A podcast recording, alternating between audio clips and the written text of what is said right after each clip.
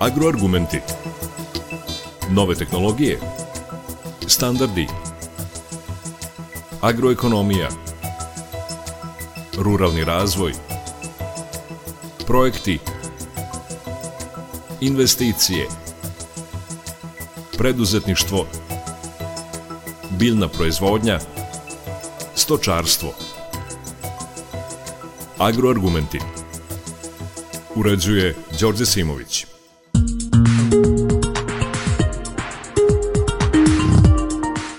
Mogu da proizvedem tovljenika od 100 kg da ga hranim prekrupom, on će imati 100 kg žive mere, ali će imati 50% mesa i vi možete hraniti tovljenika koncentratom i da imate dobru genetičku osnovu i da i uložite znanje i da vaš tovljenik ima 60% mesa, ali ako se zadržimo, zadržimo na nivou plaćanja po živoj meri, imaćemo svi istu cenu. Tako da je ovo samo mogućnost da mi napravimo proizvođače koji će imati jeftin proizvod.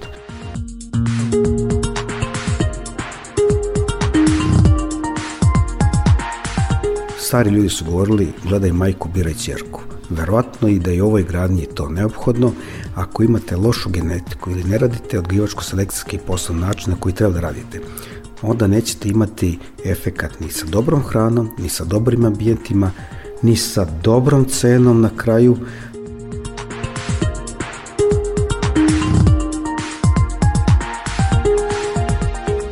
Upravo mesnata životinja troši, da kažemo, paušalno tri puta manje energije nego masna životinja. To znači da tri puta manje hrane dajete za kilogram prirasta mesnatio životinji, ta životinja brže završava tov.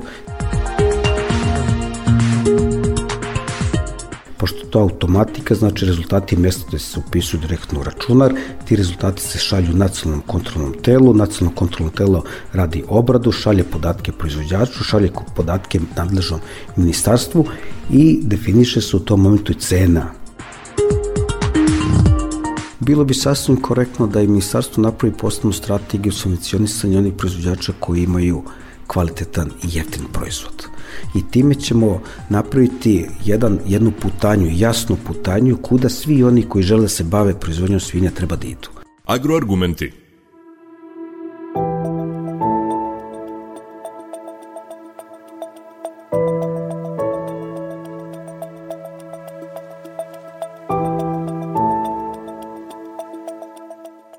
Poštovani slušalci, dobar dan. Kao kratak fleš u uvodu čuli ste profesora na Poljoprivrednom fakultetu u Novom Sadu Ivana Radovića. Dakle, u današnjoj prvoj emisiji Agroargumenti u 2024. Govorit ćemo o tome šta se radi kako bi se stimulisali proizvođači da proizvode još mesnatije svinje, kako bi prerađivačka industrija imala bolju sirovinu, a potrošači bolji krajnji proizvod. Da je već puno učinjeno, svesni ste i sami. Pronaći kvalitetne čvarke u trgovinama postala je gotovo avantura. U zemljama gde je stočarstvo razvijeno, odavno se mesnato svinja i goveda uzima u obzir kod plaćanja životinja, dok je kod nas to i dalje samo težina, to jest živa mera životinja. Međutim, ove i sledeće godine trebalo bi da primenimo te savremene standarde – Sistem ocene mesnatosti na liniji klanja stočarima u Danskoj, Holandiji, Nemačkoj i drugim agrarno razvijenim zemljama omogućava da zarade više ako odgoje kvalitetniju životinju. Kod nas su uspešno završene obuke i polako započinjemo sa probnim projektima. Slušamo pesmu Jer kad ostariš bijelog dugmeta s albuma koji je jednostavno nazvan Bijelo dugme, a setit ćete se da je na Omotu objavljena reprodukcija Kosovke devojke Uroša Predića. Reč je o jedinom albumu koji je otpevao Mladen Vojčić Tifa. Kao što ćete čuti za to vreme, 1984. godinu, dakle pre četiri decenije, produkcija je vrhunska, a album je sniman u studijima RTV Skoplje, Sarajevo i Zagreb. Jer kad ostariš Niko ne kuca na tvoja vrata.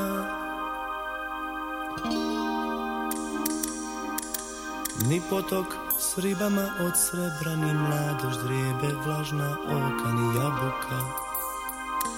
U cvatu Niko. Samo ja kad postanem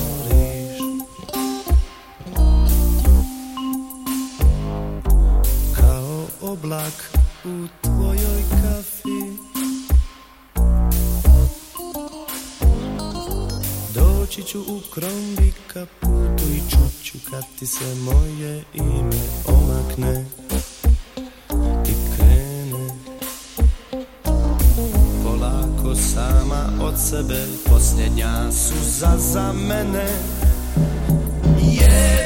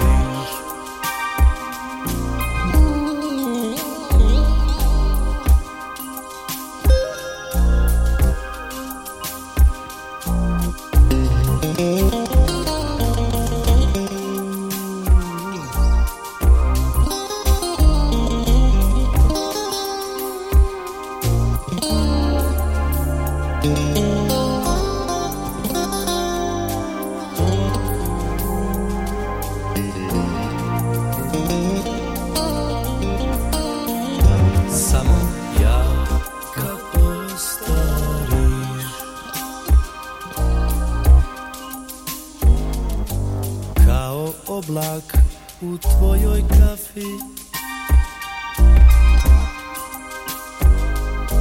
Doći ću u krombika putu i čuću kad ti se moje ime omakne I krenu polako sama od sebe Posljednja suza za mene.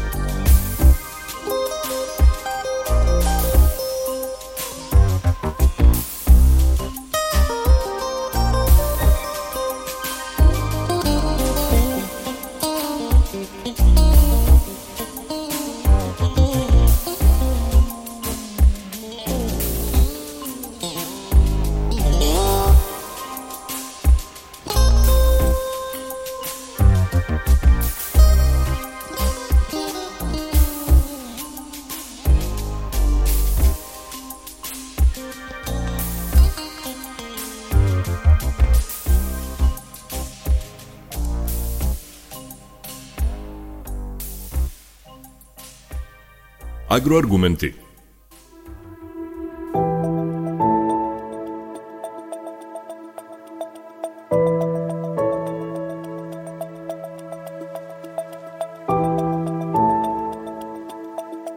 Kao što sam u uvodu rekao, u današnjim agroargumentima govorimo o tome kako podići mesnato svinja pa i goveda kod nas. Šta je do sada učinjeno i šta nas čeka u narednom periodu za Radio Novi Sad govori profesor na Poljoprivrednom fakultetu u Novom Sadu Ivan Radović.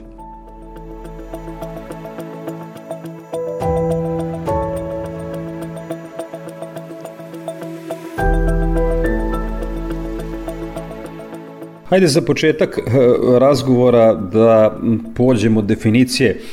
Šta je merenje mesnatosti na liniji klanja, kako se ono sprovodi i zašto je ono važno? Pa možda bih krenuo od ovog posljednjeg zašto je ono važno. Sve evropske zemlje koje imaju razvijeno stočarstvo, u ovom slučaju svinjarstvo, odavno su uneli sistem ocene mestosti na liniji klanja. Taj sistem ocene daje mogućnost da se samo kvalitetan proizvod veoma dobro plati. A sve što ono što ne spada u domen kvaliteta ili ispod proseka, kroz određeni vremenski period takvi proizvođači izađu iz proizvodnje, jer je njihova proizvodnja sama po sebi skupa, a ako žele da nastave dalje, mora da ulože znanje da bi napravili dobar proizvod. S druge strane, tovljenik.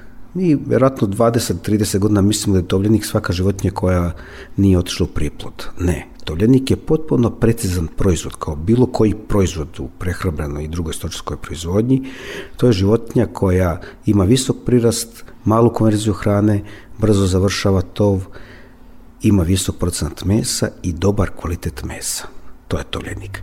Zašto je bitna opšta ocena mesnatosti? Ne samo da bi proizvođač dobio na kraju dobru cenu, već zbog toga što bi on imao jeftinu životinju na farmi upravo mesnata životinja troši, da kažemo, paušalno tri puta manje energije nego masna životinja. To znači da tri puta manje hrane dajete za kilogram prirasta mesnatio životinji, ta životinja brže završava tov. Mi smo pre 15 godina imali trajanje tova 118 dana. Danas, posle 15 godina, trajanje tova je 88 do 92 dana. Na kom to uzorku? Na uzorku u Vojvodini. Znači, to je uzrak u Vojvodini, s obzirom da su ovo podaci iz glavne odbječke organizacije za svinjarstvo zape Vojvodinu, što znači da smo mi za 25 dana smanjili trajanje tova. Kad bi to se preračunalo količini hrane, ako uzmemo da jedan tovljenik ima 25 dana manje hranbenih dana, da dnevno pojede proseku 2 kg hrane od 25 do 110 kg, i to pomnožimo sa brojem tovljenika koliko se proizvede. To je ogromna količina hrane koja je ušteđena, a samim tim i napravljena jeftinja proizvodnja za proizvođače. Da nismo išli u ovom pravcu pravljenja mesnatih tovljenika, mi bismo verovatno imali jako skupu proizvodnju, jer su svi inputi koji ulaze u svinjarsku proizvodnju skupi. Jedina mogućnost stočarima da opstanu u nekoj narodnom periodu jeste da uvek teže da naprave efikasnu životinju. Naravno, efikasnog ili jeftinog tovljenika nije lako napraviti.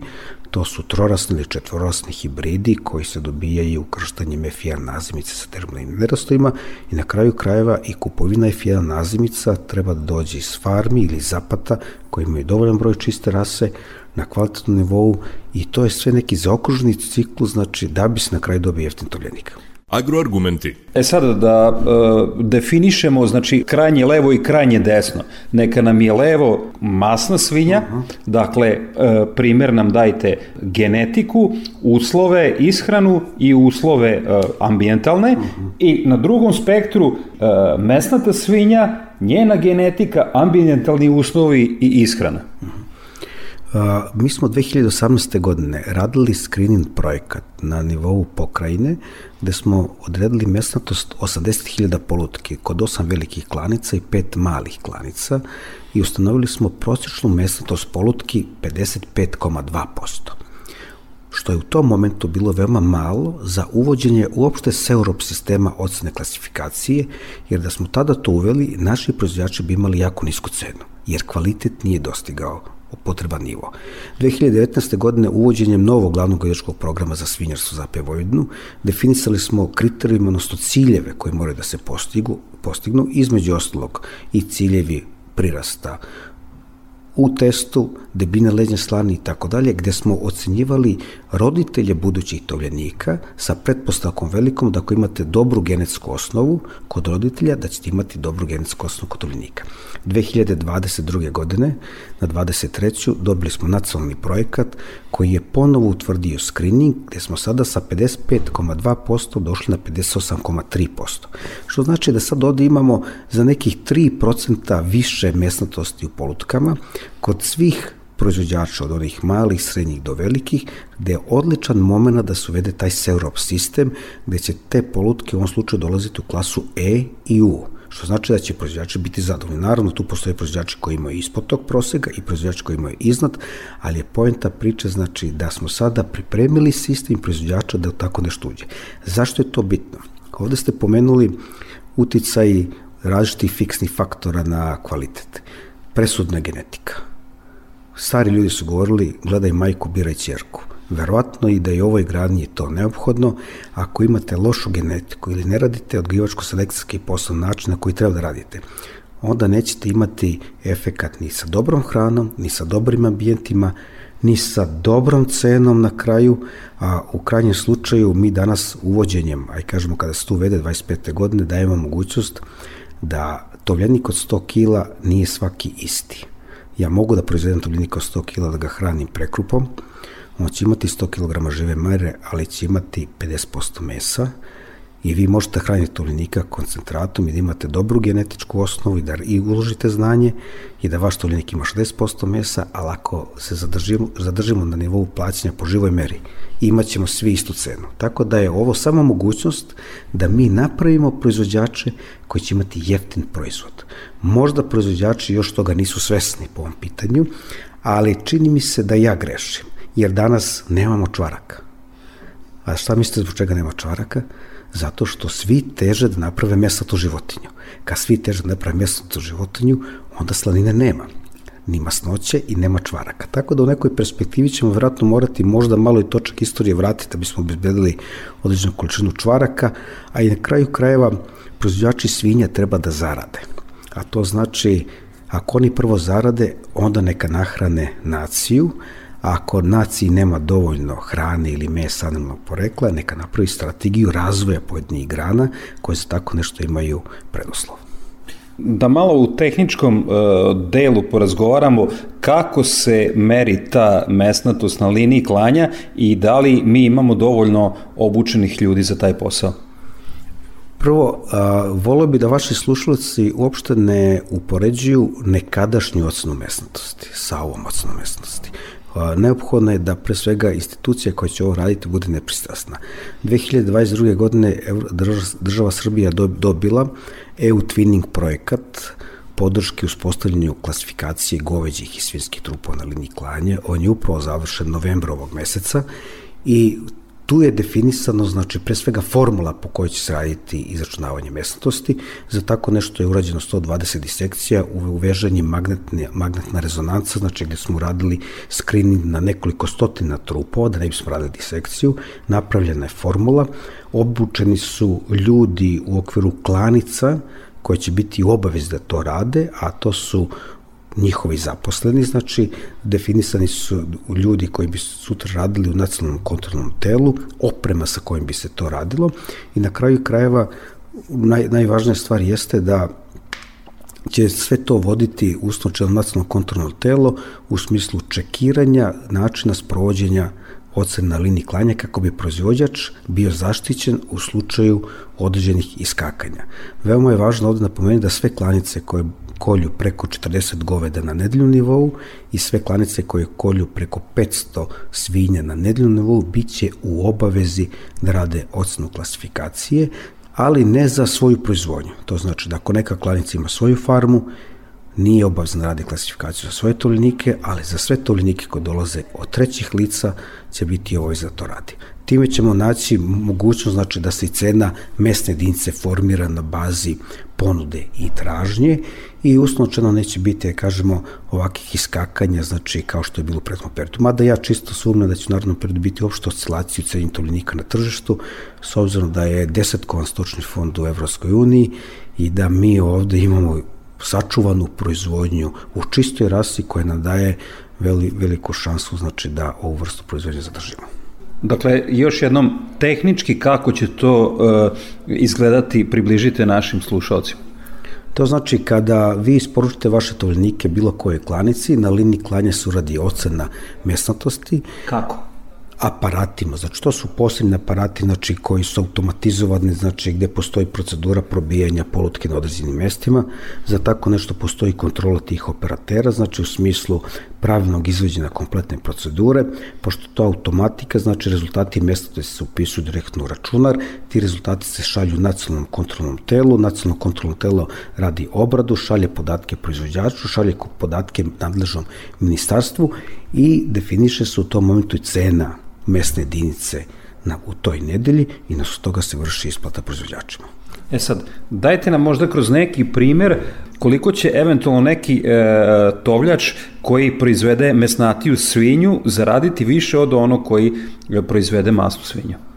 A, možemo da krenemo ovaj, čisto ovako, znači ako imate mesnatiju svinju pod presto, pretpostavkom da imate nedelju dana kraći tov, vi ste već uštedili to što znači da imate brži obrt tovnog mesta u toku godine, više puta okrenete tovljenike.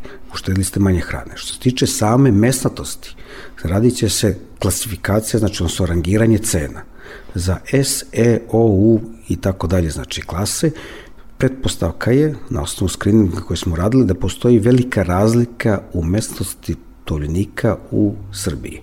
Da se kreće, kažem, standardna devijacija od 53% do 61%. To znači da u tom rangu razlika između 61% i 53% može biti jako velika razlika u cenu. Ja u ovom momentu ne mogu da vam to kažem, znači s obzirom da će tržište cena, zakon o, tržište, o cenama poljoprivrednih proizvoda biti definisan vrlo skoro i način kako će se formirati cena će biti u nekom narednom periodu. Ja mogu samo da kažem kako to, na primjer, u Nemačkoj. U Nemačkoj se svake nelje sastavljaju eksportno-importne firme, proizvođači, da kažemo, robne rezerve i definišu se potrebe za domaće tržište. Ako ima dovoljno domaćem tržištu, sav ostatak viška se prodaje van, ako nema dovoljno i nas od toga se definiše, definiše cena. Cene će biti definisane na osnovu dogovora svih zainteresovanih, a ne kao što se radilo u nekom pretnom periodu na osnovu, kažemo, Viber grupa i dogovora mimo tržišta, tržišta šticugovanje neki cena i tako dalje. Ovako ćemo ti potpuno jasnu sliku, znači pre svega o kvalitetu i možda u nekoj kasnijoj varijanti ministarstvo bi moglo, moglo da radi subvenciju onih proizvođača koji imaju kvalitetan proizvod. Ja moram da kažem da je ovo jedina, kažemo, jedini poljoprivredni proizvod koji bi se možda sutra plaćao na su kvaliteta a to su goveđi trupovi svinski trupovi. Kada bismo možda pšenicu ili kukuruz plaćali na su kvaliteta, verovatno bi ti paori možda imali veću cenu i mogli bi da se bore na ovom tržištu, a ne ako proizvodimo samo kvantitet. Ipak smo mi mala zemlja gde mi treba da guramo kvalitet, jer za kvantitet nemamo dovoljno količinu. Agroargumenti.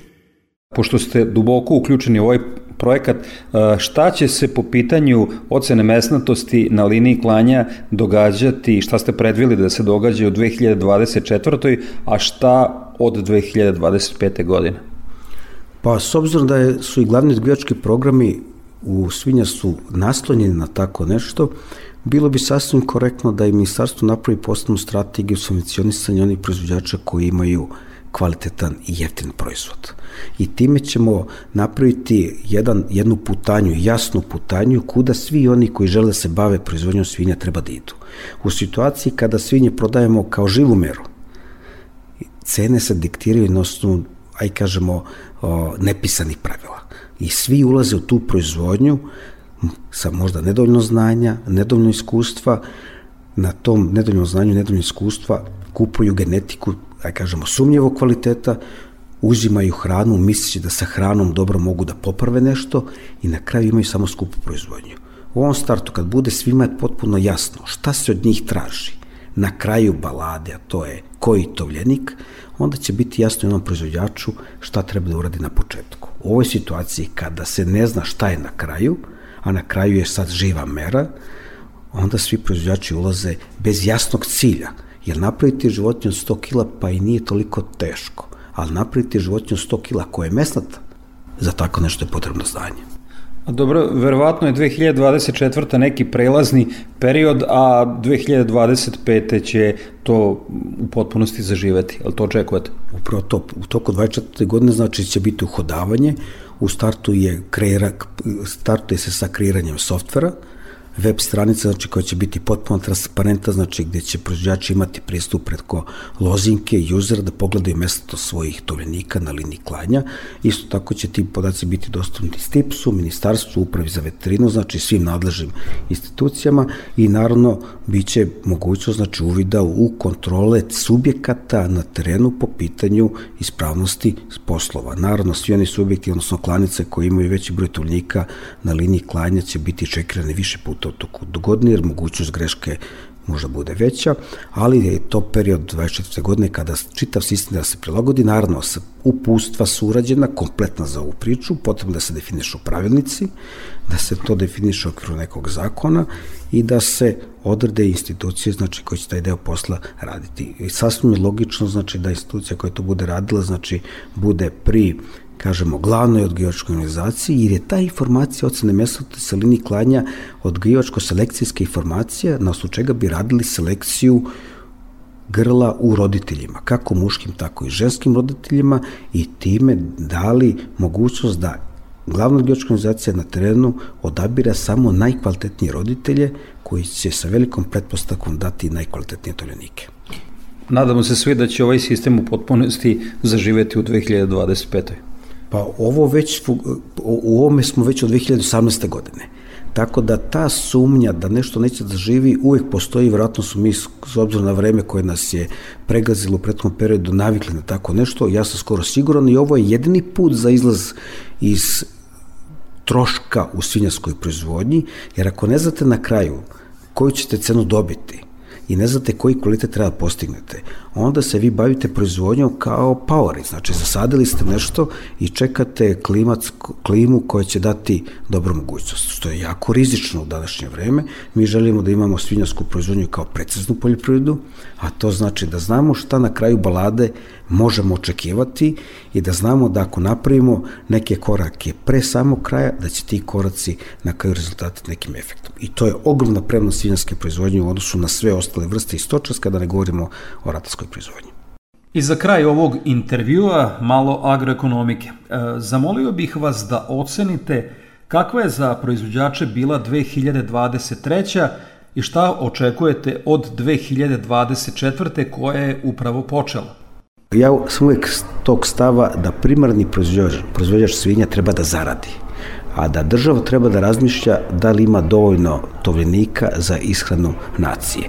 Što se tiče inputa u proizvodnji svinja, oni su bili mali tokom skoro čitave godine, output je visoki, Naravno, nije, velika, nije veliko desetkovanje proizvođača, s obzirom da je afrička kuga svinja bila. Naravno, ovde su postale neke farme gde afrička kuga svinja izbila, gde je naravno urađeno eutanaziranje svih životinja, ali kada gledamo ukupan broj životinja u Vojvodini, nemamo smanjenje kvalitetnih priplovnih grla, jer sve farme koje su u momentu bile desetkovane, nema ih mnogo da kažemo, od afričkog svinja počeli su ponovo znači sa kupovinom priplog materijala i ulazak u ovu proizvodnju. Ja očekujem da će i 24. godina sigurno biti dobra za proizvođače svinja jer nema dovoljno animalnog proteina na tržištu. Potrošnja stanovnika uvek raste, naravno sigurno će se to implicirati i na cenu krajnjih proizvoda, ali je to već problem pređivačke industrije i kladične industrije. Mogu da konstatujem da posle 50 godina periodi koji dolaze idu u korist proizvođača svinja.